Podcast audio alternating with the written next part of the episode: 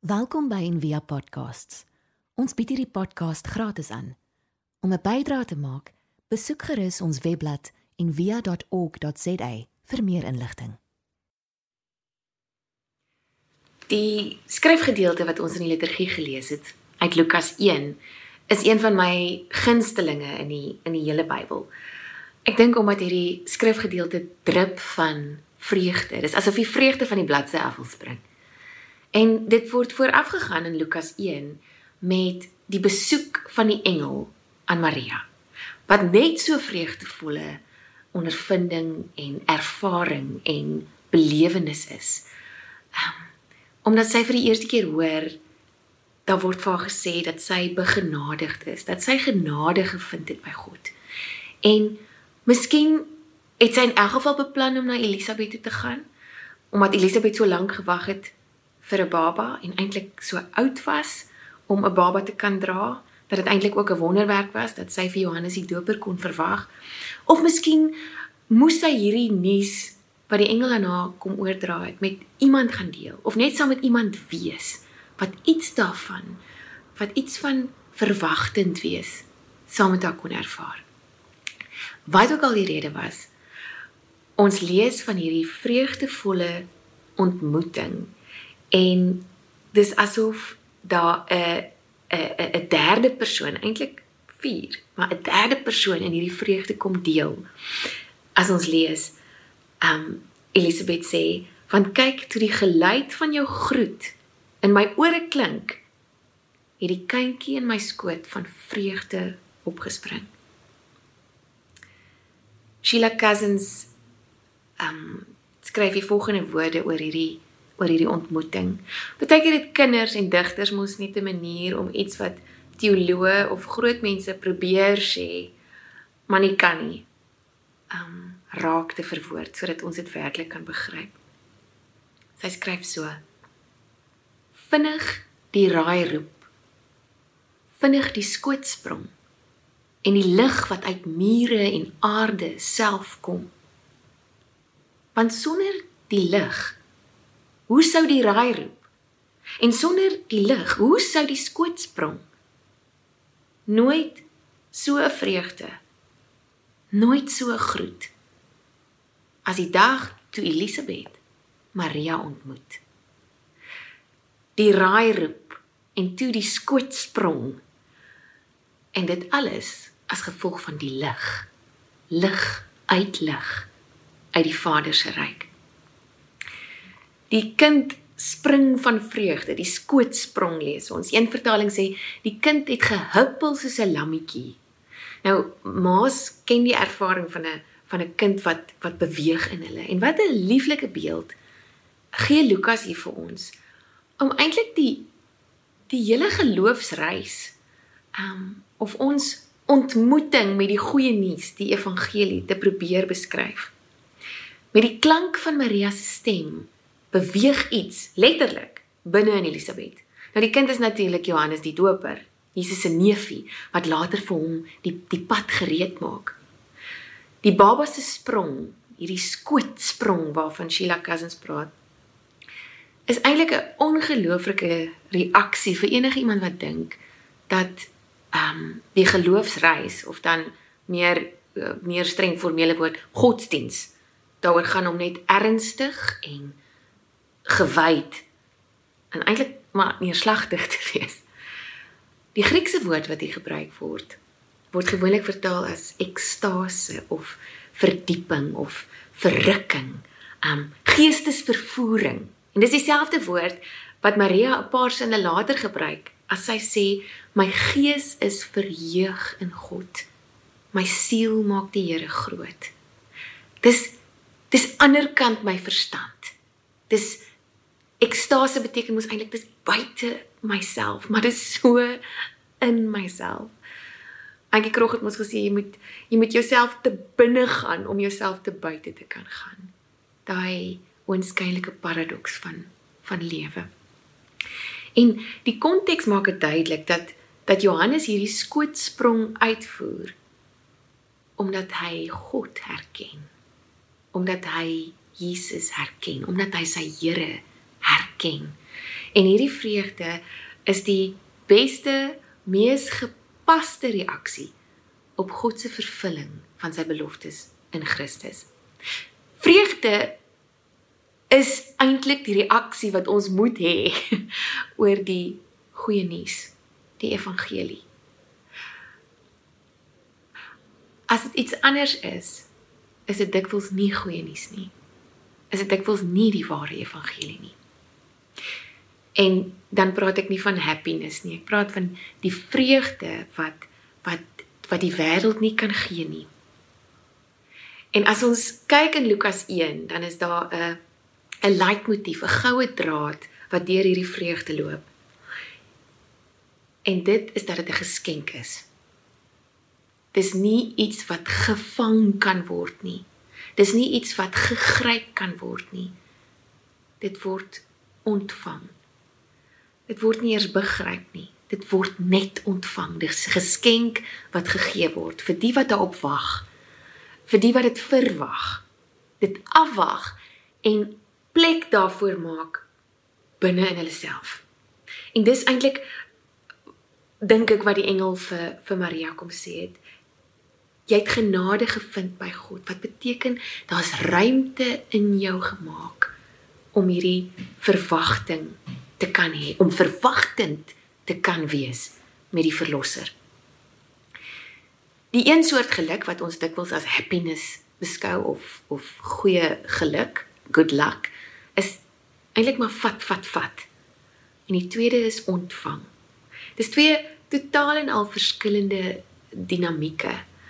Um ons lees baie keer dat dat Maria gehoorsaam was.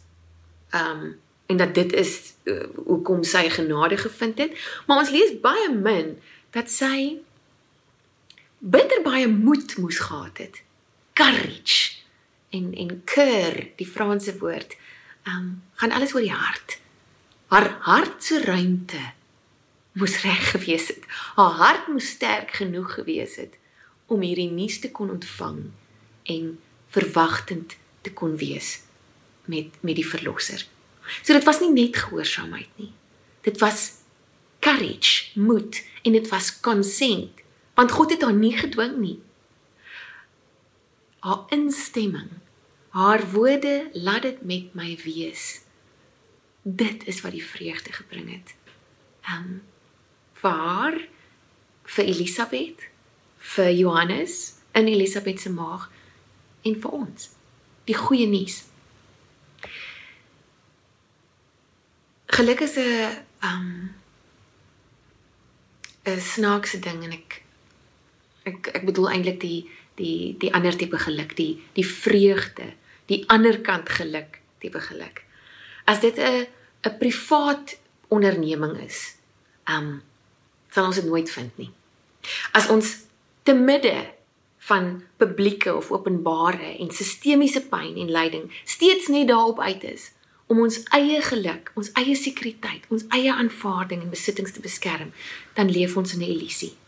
Want empatie en samehorigheid met die pyn van ander het 'n ongeëwenaarde kapasiteit om plek en ruimte te maak binne in onsself.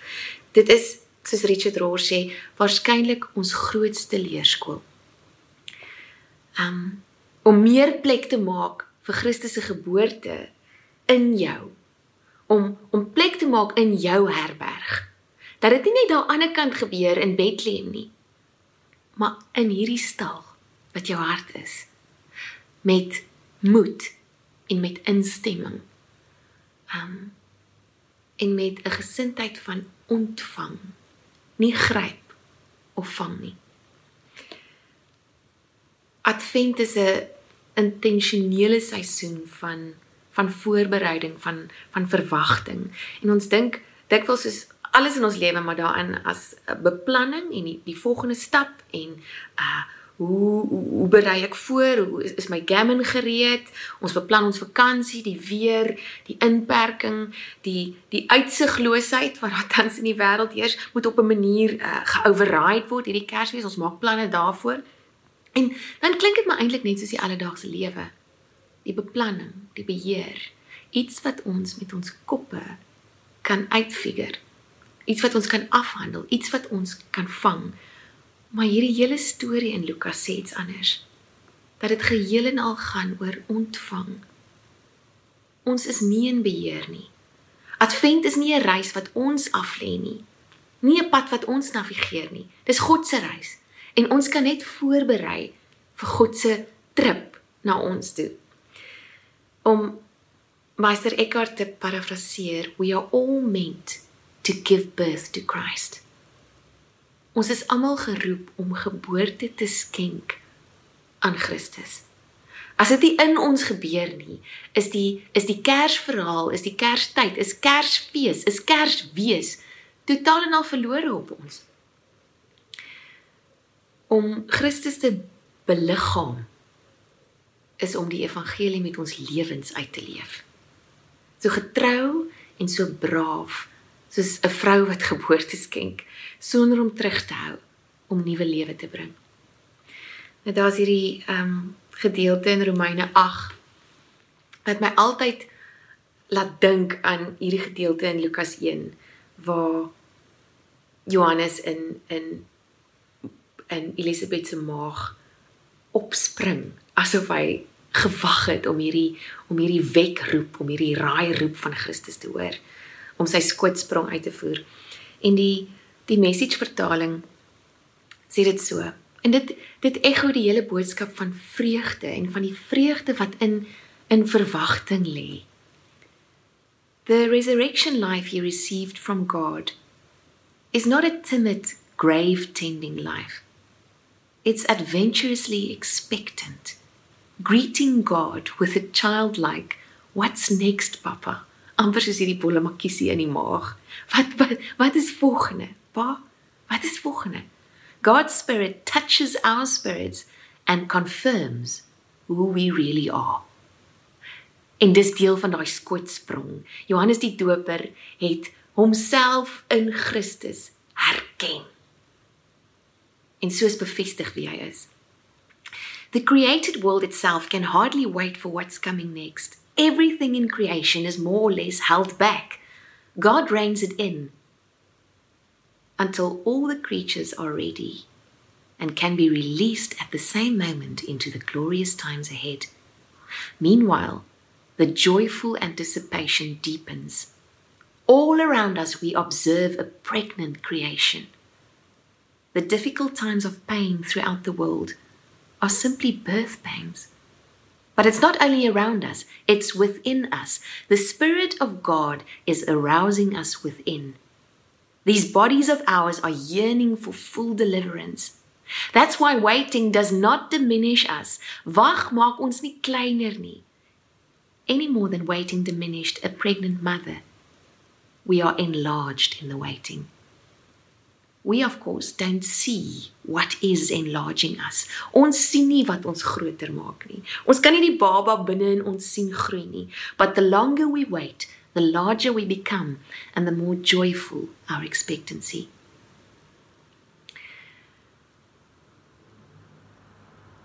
Daar's min dinge meer pynlik en meer vol vreugde as om geboorte te skenk. Die pyne en soos hulle 'n vrou nou vir jou kan sê wat al geboorte geskenk het, maak as ware plek, ruimte vir die vreugde. Dis asof die een nie sonder die ander kan kom nie. Die wag, die die verwagting maak die ruimte vir ontvang soveel meer letterlik en figuurlik. Baie vroue sal vir jou sê dat daar net een ding is wat seerder is as geboorte skenk. En dis om te verwag sonder om ooit geboorte te skenk. 'n miskraam en stilgeboortes. Die verwagting sonder die vreugde. En dis hoe baie van ons leef. Ons wil niks meer verwag nie want want ons is so bang die verwagting lei na meer pyn sonder die vreugde. Die die wat asse op ons paaie. Dis eintlik wat ons die meeste uh angs en pyn veroorsaak. Wat as dit? Wat as dit? En Christus se geboorte het het vir ons as as as mense kom wys. Nie net vir Maria nie, want dit was 'n wonderwerk. Elisabeth se se verwag wees was ook 'n wonderwerk op haar ouderdom en dan nou nog hierdie hierdie derde wonderwerk van die baba wat in haar skoot spring. Christus se geboorte het kom sê wat as het 'n 360 grade om kant ook. Mens kan sê Antoinette Pinaar vertel nou die dag op die op die radio sy sê die oggend wil sy nou nie dorp toe gaan nie want wat as sy nou die virus kry en wat as sy nou siek raak en sy kan nie na haar diere kyk nie. En iets sê te vir haar, maar wat as dit mos aan die ander kant ook? Die wat as ek nie siek raak nie? Wat as ek kan sorg vir my diere? Wat as hierdie slaggat in die pad wel reggemaak word hierdie munisipaliteit hierdie week? En en en genade stel ons in staat om ons wat asse om te keer. Um om nie net te kyk na wat moontlik is en wat 10 10 gaan gebeur nie, maar wat ons dink onmoontlik is. Dis wat hier gebeur. En dis waar in die vreugde lê. Die raai roep wat as wat die skootsprong vooraf gegaan het. Die groot wat as word bepaal deur die groot wie is. Ek sluit af. As iets binne in my, binne in jou nie beweeg of opspring ten aanskoue of aanraking of aanhore van Christus in iets of iemand anders in hierdie seisoen nie, is die Kersboodskap verlore vir ons. Eers as die gedagtes en gevoelens en gebede wat reeds swanger is in jou te maak het met Jesus Christus kan dit geboorte gee aan iets waarna die wêreld smag. Soos Johannes die Doper binne in Elisabet opgespring het. Um van vreugde met die groet van Maria wat hy dwars deur die grens van twee vroue se se velle en vrugwater kon hoor. Die hele skepping is in barensnood, is verwagtend. Dit smag na liefde, een wees, vreugde. Deur genade alleen kan God in ons beweeg om God rondom ons raak te sien en mag die volgende paar dae voor Kersfees ons herinner aan hierdie maande van verwagtend wees uh, wat vreugde voorafgaan. Ek groet jou vanoggend met 'n met 'n seënwens. Mag die baba se geboorte jou oopboor Mag die kind se vryheid jou bevry. Mag die seun van die mens se lewe jou laat lewe. Mag die gekruisigde man jou laat sterf aan jou selfsug. Mag die opgestane Heer in jou opstaan sodat ook jy geboorte kan gee aan nuwe lewe. Mag die groot wie is jou wat as bepaal.